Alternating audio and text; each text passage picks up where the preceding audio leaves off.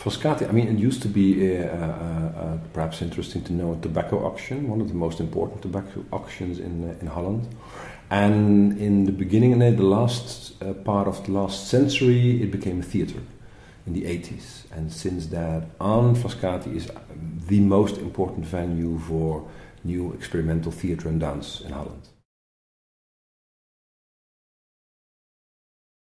Frascati is an important production house, so we produce uh, almost 20 uh, shows, performances per year, mostly of young starting directors and, and, and theater makers.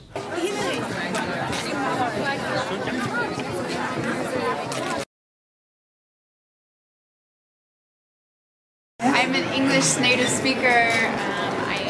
I, my Dutch is not so great, so I like to see stuff in English. Hi, I'm Dara. I'm from America, Los Angeles, and I like coming to Frascati because I like to see all the international things that are um, performances that are on display here. There's another three. So this is the story, one in the other.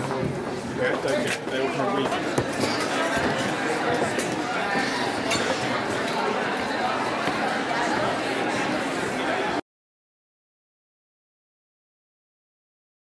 It's it's very uh, inspiring place to be.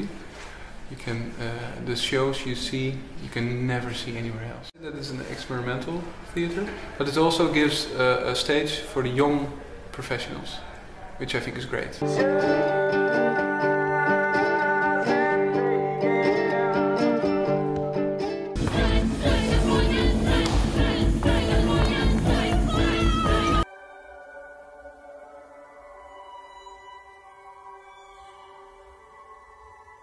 Frascati actually is one of the, the, the, places where you can really develop your skills as an artist um, in all kinds of ways. And that's there's a kind of openness in Frascati. You can you can try everything you like. On your spurs, swagger. Saying no, no, no, no, no. I was rational, but maybe not very cautious.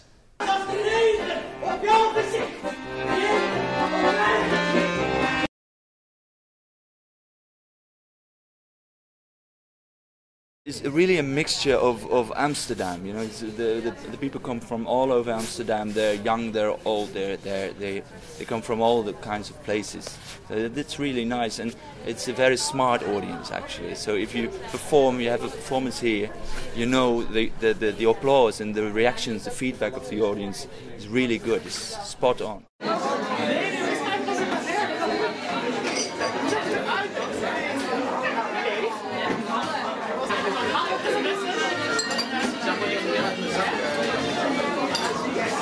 I came up with the idea of Frascati for Friends because we have many international performances and many internationals in the audience.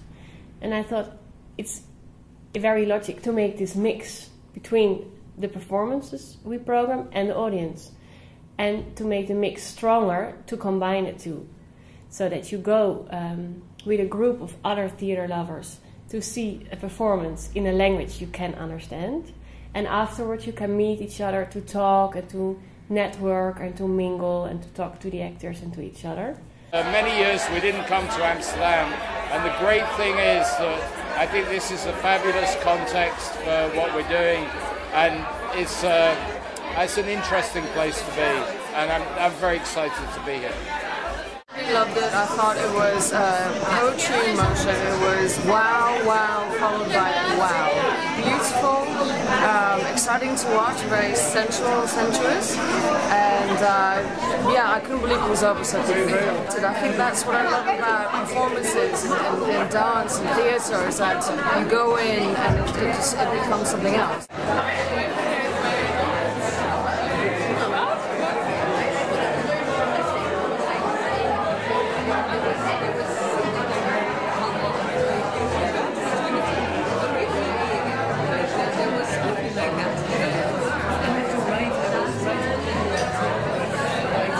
People coming to the show afterwards and but Mark, what is it? What I mean, uh, last weekend there was a group of people who, who had a try or die evening. So they went to with eight guys. They went to a performance of which they thought this is something, this is so experimental, we, we're going to check it out. I had a long meeting afterwards with them. It was very courageous with them to go to something that they know, know nothing about. So they really want some explanation from me. What was it? And uh,